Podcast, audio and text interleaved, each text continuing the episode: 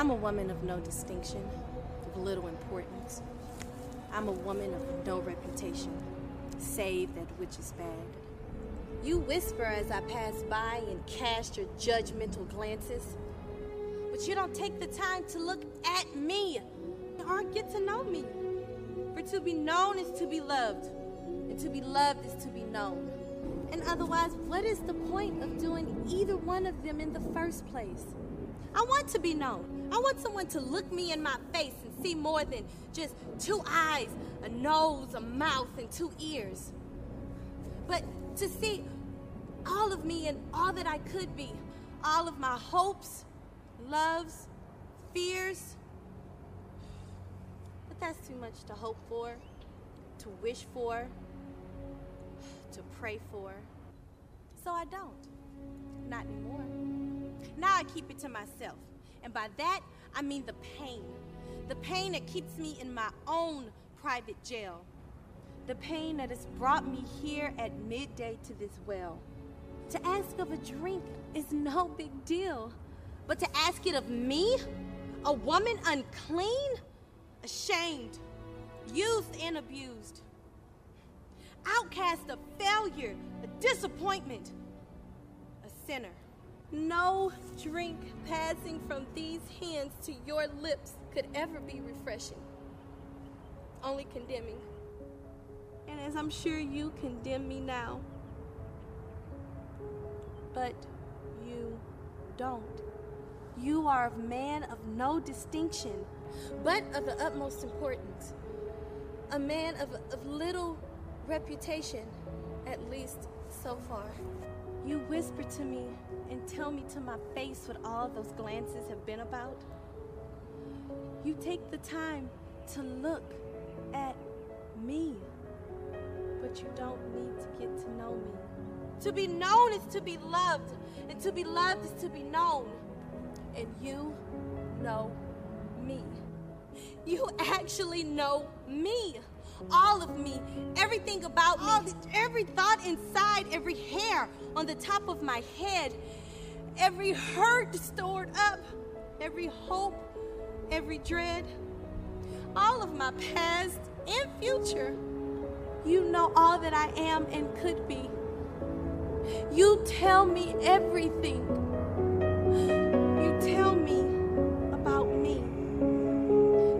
Which is spoken from another would certainly bring hate and condemnation. Coming from you, it brings love, mercy, grace, hope, salvation. I have heard of one who was to come to save a wretch like me. And now, here in my presence, you say, I am He. To be known is to be loved, and to be loved is to be known. And I just met you, but I love you. I don't know you, but I want to get to. This is, I must run back to town. This is way too much just for me. There are others brothers, sisters, lovers, haters, the good and the bad, the sinners and the saints, who, who need to see what you've shown me, to hear what you've told me, who needs to taste what you gave me, and to feel how you forgave me. To be known is to be loved, and to be loved is to be known. They all need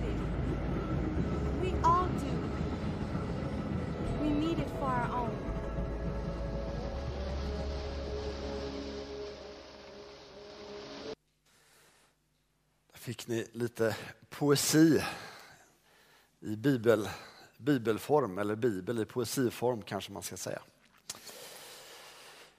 Ska vi be tillsammans. Tack Herre för att du nu vill tala till oss genom ditt ord, genom den här berättelsen. Tack att du vill göra det levande för oss Herre och du vill hjälpa oss att kunna lyfta blicken och ta in allt det goda du har för oss när du ser oss och älskar oss Herre. Tack att vi är kända av dig. Och Herre, nu ber vi att ditt ord ska få bli levande, att du ska ge oss mod inför det nya året, Herre. Ge oss tro på att du vill använda oss, Herre. Tackar dig för att du talar in i våra liv den här dagen. I Jesu underbara namn. Amen. Amen.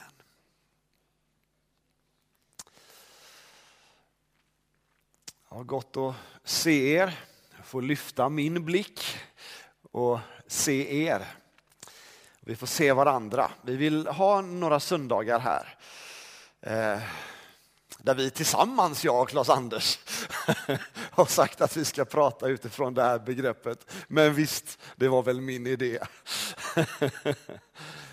Med lyft blick. Jag tror vi behöver lyfta blicken som kristna, som Jesu lärjungar. Så behöver vi höja på huvudet och se oss omkring och se mycket av det som Gud vill göra genom oss. Där vi rör oss och där vi går fram.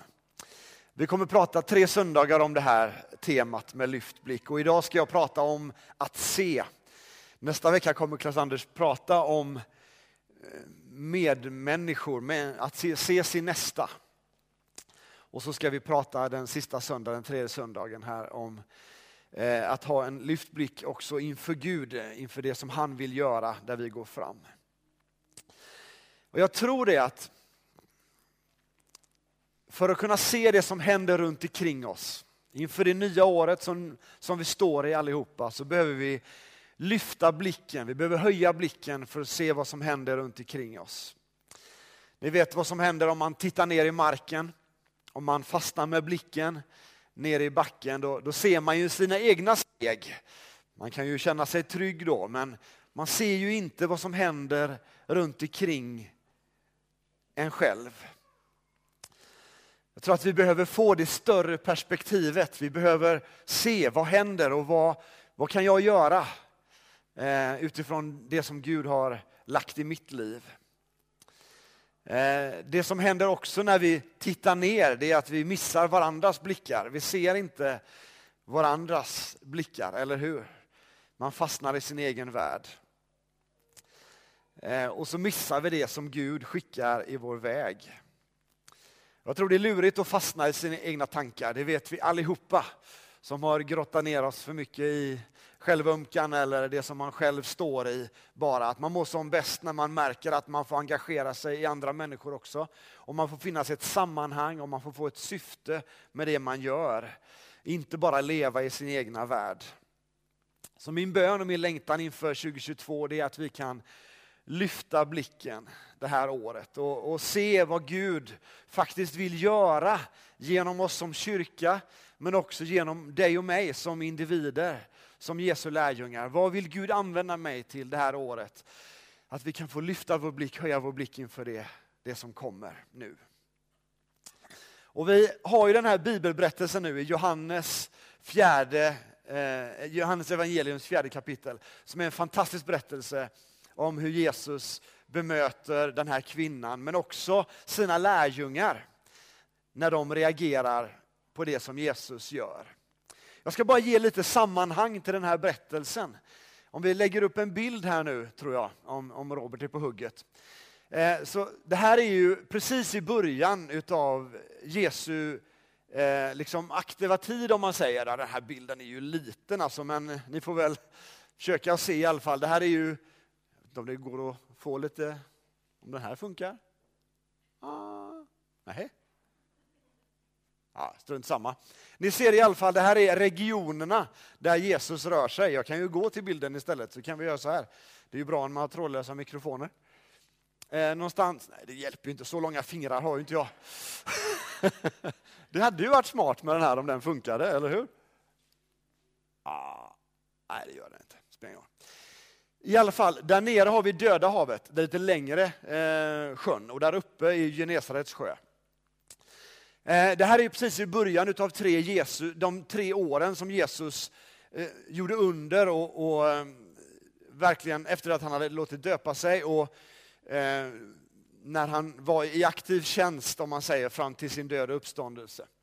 Så är det här precis i början och då utspelade det sig först Jesus han har rört sig nere eh, i Betania, strax öster om Jerusalem, som ligger där vid, vid Döda havet, eh, har han eh, börjat samla lite lärjungar. Eh, han har, eh, det har börjat liksom, eh, det var det här ryktet, Johannes döparen, ni vet, han var förelöparen för Jesus. Eh, och, och han berättade att det skulle komma en efter mig. Och Jesus började framträda, han började samla sina lärjungar här i den här trakten. Eh, han eh, skulle gå till Galileen som ligger upp eh, vid Genesarets sjö till ett bröllop. Det var det han var på väg till nu då när den här eh, eh, det första undret som Jesus gjorde, där han ni vet, gjorde vatten till vin, det var på väg upp till det här i bröllopet i Kana som ligger uppe i Galileen. Eh, han är där uppe runt bröllopet, det här är berättelserna alltså innan Johannes fjärde kapitel. Eh, och rör sig runt Genesarets sjö där mycket av Jesu verksamhet var. Eh, det var dags för påskfirandet, alltså inte den påsken där Jesus gav sitt liv, utan det här är ju första utav hans tre aktiva år i tjänst. Och han rör sig så småningom ner då mot Jerusalem igen som ligger nere vid, till vänster om Döda havet här precis. Eh, så det är lite vandringar fram och tillbaka. Eh, han har rört sig ner och när han kommer ner till Jerusalem så inträffar den här incidenten också. Ni vet när han blir rasande över hur de utnyttjar människors tillbedjan i templet och han river omkull de som håller på och säljer och tjänar pengar på människors gudsdyrkan. Eh, Jesus han var i Jerusalem under påsken, han gjorde lite under och tecken. Ja, nu kommer ju en biljardkö här. ja, det är ju strålande, tack. En, eh, vad ska man med laserpekare till när det finns biljardköer? Här pratar vi alltså om där Jesus börjar sin tjänst och rör sig upp här, fastnar här uppe i bröllopet i Kana, rör sig runt Genesarets sjö här uppe, tar sig ner igen för att fira påsken i eh, Jerusalem. Eh, efter påskhögtiden, här började Jesus göra lite under och tecken. Det står i, Johannes, i början av Johannes evangelium att, eh, att det började hända lite saker runt Jesus. Han botade sjuka och så vidare. Sen rör han sig västerut här, i den här trakten. Håller till här ute, döper. Det är Jesu lärjungar som döper. Johannes döparen befinner sig här uppe någonstans. Men här uppe började spridas rykten om, ja men den där Jesus, han döper ju fler än dig Johannes, säger de till Johannes. Eh, och Jesus får höra det här, att, eh, eh, ja, att, att de här ryktena börjar sprida sig om Jesus. Och han rör sig ner här öster om Jerusalem igen. Jag vill bara ge lite sammanhang, jag lägger den här biljardkön här så kan ni fundera på vad den gör där sen. Ja. Så, så här är liksom händelser som har eh, föregått det som vi nu kommer in i då, i den här berättelsen. Eh, när Jesus möter den samariska kvinnan. Eh, och nu är Jesus då på väg uppåt igen här eh, mot området runt Genesarets sjö och halvvägs dit ungefär så ligger ju Samarien. Och samariska folket var ett folk som judarna hade svårt för. Man eh, tyckte väldigt illa om dem eh, för att det var ett blandfolk som hade blandat eh, gudsdyrkan med balsdyrkan. Och, ja, det finns en berättelse tillbaka i Gamla Testamentet där det liksom har sin, ett ursprung. Hur det här uppstod, ett blandfolk som, som blandade den judiska traditionen med avgudadyrkan och så vidare. Så, så judarna pratade inte med samarierna för att det var ett orent folk. Det var människor som man inte hade att göra med helt enkelt. För att de ansågs inte vara renläriga utan de hade blandat upp gudsdyrkan med massa andra eh, avgudadyrkan och så vidare. Så här är sammanhanget då när Jesus rör sig med sina lärjungar uppåt Eh, Eh, i hettan, i, i, eh, mitt på dagen och så kommer de fram till den här brunnen. Och nu ska jag inte stanna så mycket vid själva mötet med den samariska kvinnan idag, utan den ska Claes Anders få ta nästa vecka. Utan jag ska röra mig i den berättelsen som är uppföljningen ut efter det att Jesus har pratat med den samariska kvinnan. Och avslöjat hennes liv, visat för henne att han känner henne och att han vill hennes bästa, att hon har liksom upplevt frälsningen där. Och då står det så här, och då läser jag nu då ifrån vers 27. Jag vill bara repetera de här orden. Det här är Johannes 4 fortfarande, Robert. Du får sappa fram det lite grann till vers 27. Jag vill betona det här då. Nu har Jesus pratat med den samariska kvinnan och så står det så här. Just då kom hans lärjungar. De blev förvånade över att han talade med en kvinna, men ingen frågade vad han ville henne eller varför han talade med henne. Kvinnan lämnade sin vattenkruka och gick in i staden och sa till folket, kom så får ni se en man som har sagt mig allt jag har gjort. Han kanske är Messias. Då gick de ut ur stan och kom till honom, till Jesus. Alltså där kommer ännu mer samarier från det här folket som judarna inte tål. De kommer till Jesus för de har hört kvinnans vittnesbörd. Under tiden så bad lärjungarna Jesus, Rabbi ät, för de hade hämtat mat då. Men han sa till dem, jag har mat att äta som ni inte känner till. Lärjungarna sa till varandra, det är väl ingen som har kommit med mat till honom. Jesus sa, min mat är att göra hans vilja som har sänt mig och att fullborda hans verk. Säger ni inte fyra månader till skörden, sen kommer skörden. Men se, jag säger er, lyft blicken och se hur fälten har vitnat till skörd. Redan nu får den som skördar sin lön. Han samlar in frukt till evigt liv så att den som sår och den som skördar får glädja sig tillsammans. Här stämmer det att en sår och en annan skördar. Jag har sänt er att skörda där ni inte har arbetat. Andra har arbetat och ni har gått in i deras arbete. Många samarier från den staden kom nu till tro på Jesus genom kvinnans ord och när hon vittnade. Han har sagt mig allt som jag har gjort.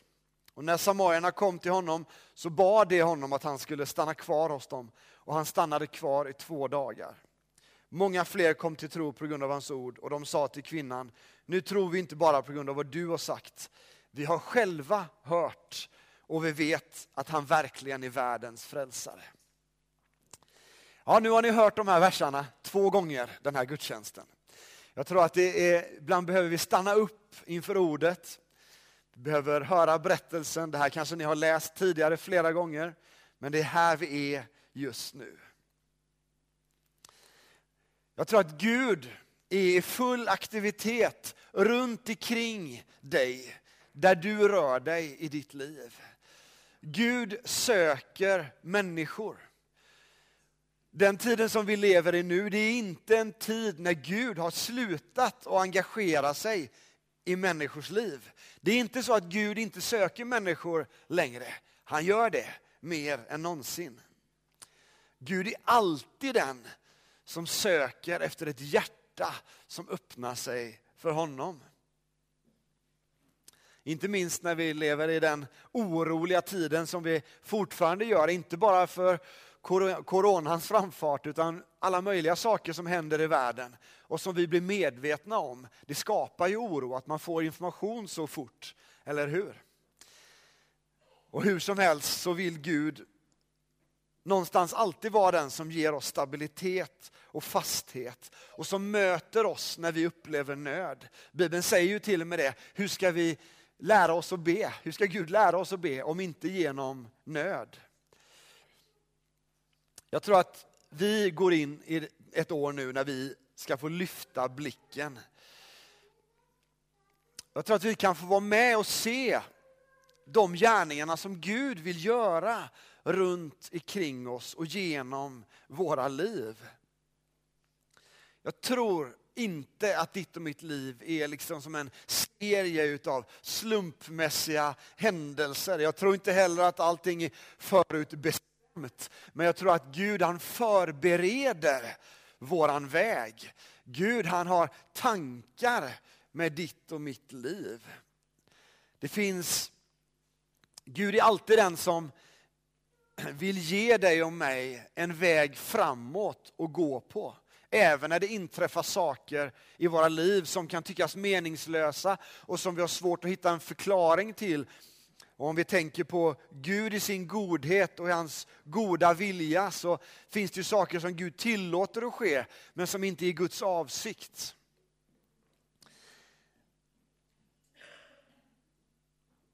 Det är ju så att vi lever i en värld som faktiskt är den ondes våld. Men Gud han vill alltid ditt och mitt bästa i varje läge. Han vill alltid förbereda vägen för dig där du går. Och han vill att du och jag ska få söka hans vilja i varje tid.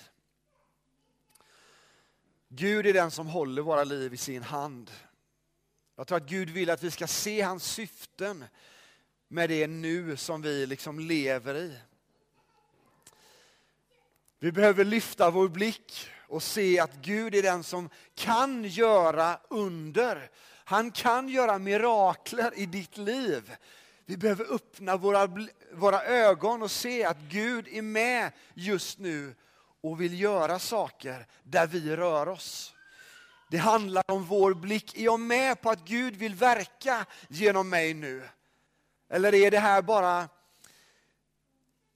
liksom saker som som passerar. Jag tror att vi behöver vara vakna för att Gud faktiskt vill använda oss där vi går fram. De som är runt omkring dig och mig i våra liv, som vi kallar för våra medmänniskor. Jobbiga kollegor, fantastiska kollegor, störande medmänniskor, älskade medmänniskor. De människorna som vi möter har Gud satt dig och mig till att betjäna. Det är inte någon annan som ska göra det, utan det är du och jag som är de som får representera Kristus i den här världen. Andra också, men du och jag. Jag tror att vi behöver vara vakna. Vi behöver be Gud kanske om öppnade ögon inför det här året som, som ligger framför oss. Kanske är det så att Gud behöver till och med väcka oss så att vi förstår att han faktiskt vill göra någonting genom våra liv. Att kanske är det så att du och jag är den som ska innebära en förändring i någon av våra medmänniskors liv för att vi är där vi är. Ibland kan det här med väckelse kan vara någon sån här drömsk vision vi har av att Gud bara ska helt plötsligt en dag ha förändrat allting och alla människor bara strömmar till kyrkan och faller ner på sina knän. Och visst kan Gud göra en sån sak, men jag tror att ännu mer så måste väckelsen få börja i ditt och mitt hjärta, eller hur? Att vi behöver vakna inför det som faktiskt Gud redan har lagt ner i ditt och mitt liv. Vi behöver lyfta blicken och se att Gud har lagt ner sin ande i ditt och mitt hjärta och han har satt oss som ansvariga att förmedla det till den här tiden. Jag tror att vi kan få be den här bönen den här dagen. Att Gud ska få väcka våra hjärtan så att vi ser det han vill göra genom oss. Att Guds ande vill verka i våra liv. Ibland tänker vi så här liksom att ah, först så måste jag få ha sått en massa och sen så kan jag få skörda. Och visst är det lagen om sådd och skörd, den funkar, det vi sår det får vi skörda. Men det är också så att det sås överallt i världen och det har såtts mängder utav säd. Och du och jag behöver också vara vakna för att vi kan få vara med och skörda där andra människor har sått.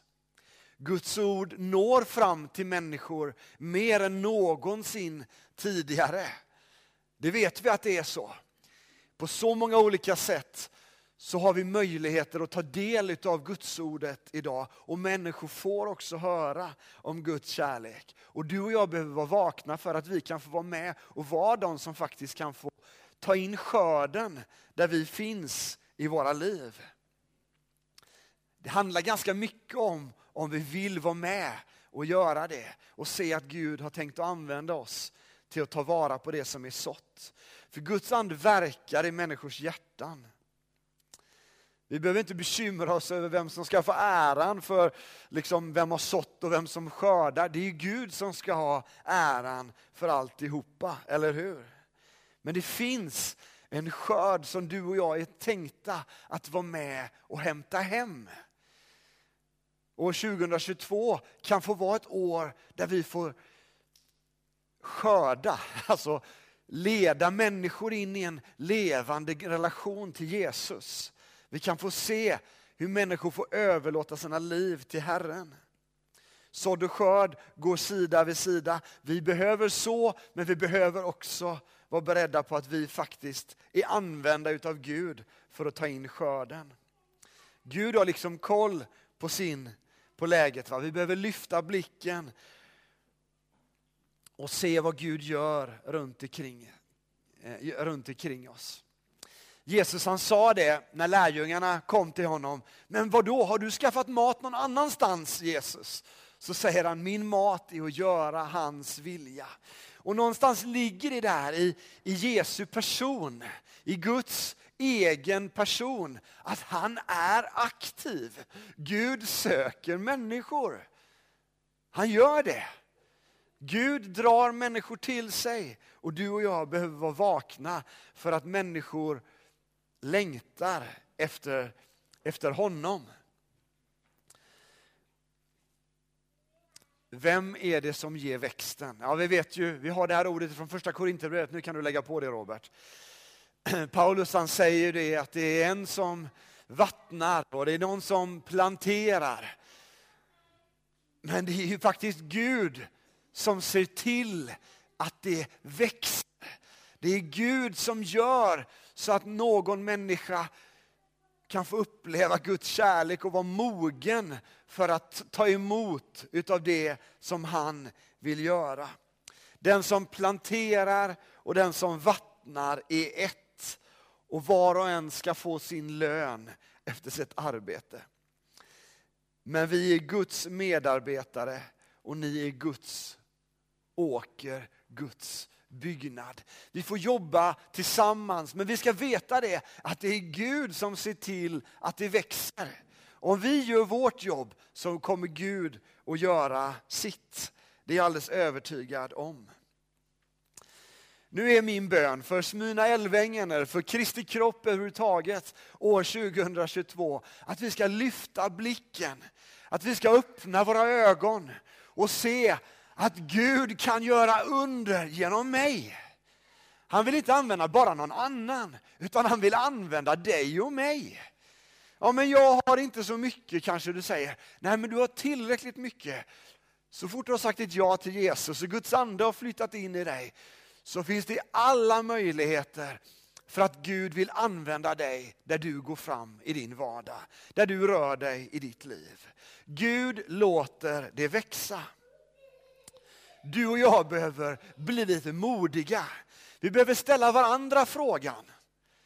Inte bara till andra utan också till varandra i församlingen.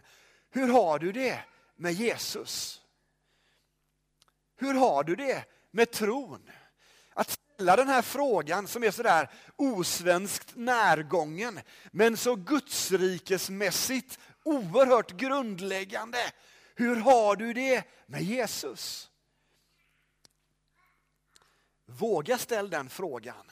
Säg till en människa per månad det här året som kommer. Tänk om du vågar ställa den frågan till någon som du vet, liksom du kanske har pratat om tron med lite granna och du har sått lite granna Eh, och det har liksom hänt lite saker i den människans liv. Men du har aldrig ställt frågan. Hur har du det med Jesus? Tänk om vi skulle bli lite modiga det här året och våga fråga det till de människorna vi har runt omkring oss. Jag lovar, det finns människor där i din närhet som Gud jobbar med. Som Gud söker. Ja, men tror du det Anders? Ja, jag är helt övertygad. Jag är helt övertygad. Men om vi aldrig ställer frågan, kommer vi få några svar då? Nej. Ja, men det kanske är lite eh, läskigt. Ja, det kanske är lite läskigt. Det är jättekul att ha det läskigt ibland. Eller hur? Vi brukar ju säga att jag vill ha äventyr. Det där är lite läskigt och lite osäkert. Sådär. Men våga ställa den frågan till människor som du pratar med. Kan tyckas en konstig fråga, men en självklar fråga om vi menar det här med Guds rike och att Jesus har förvandlat våra liv. Hur har du det med Jesus? Jag är helt övertygad om att Gud vill använda dig för att dra människor ett steg närmare honom. Kanske till och med till en överlåtelse. Jag tror att det här som står i den här texten, lyft blicken och se hur fälten har vitnat till skörd. Det är någonting som gäller för dig och mig det här året som ligger framför. Lyft blicken. Hur har du det med Jesus? Hur har du det med tron på Gud? Formulera det på det sättet som du tror är en bra formulering. Men att våga gå ut i det som Gud har kallat oss till, det tror jag kommer leda oss till att vi upptäcker, wow, Gud vill faktiskt använda mig.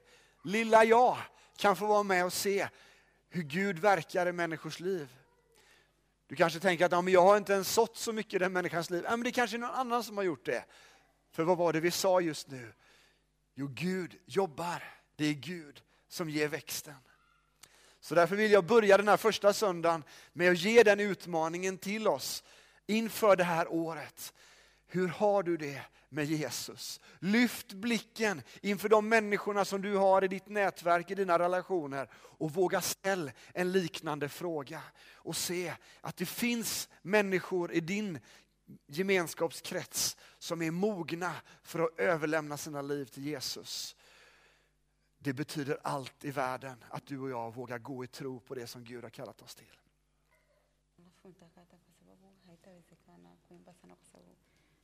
Tumeshindwa kuelewana na kupiga kinanda.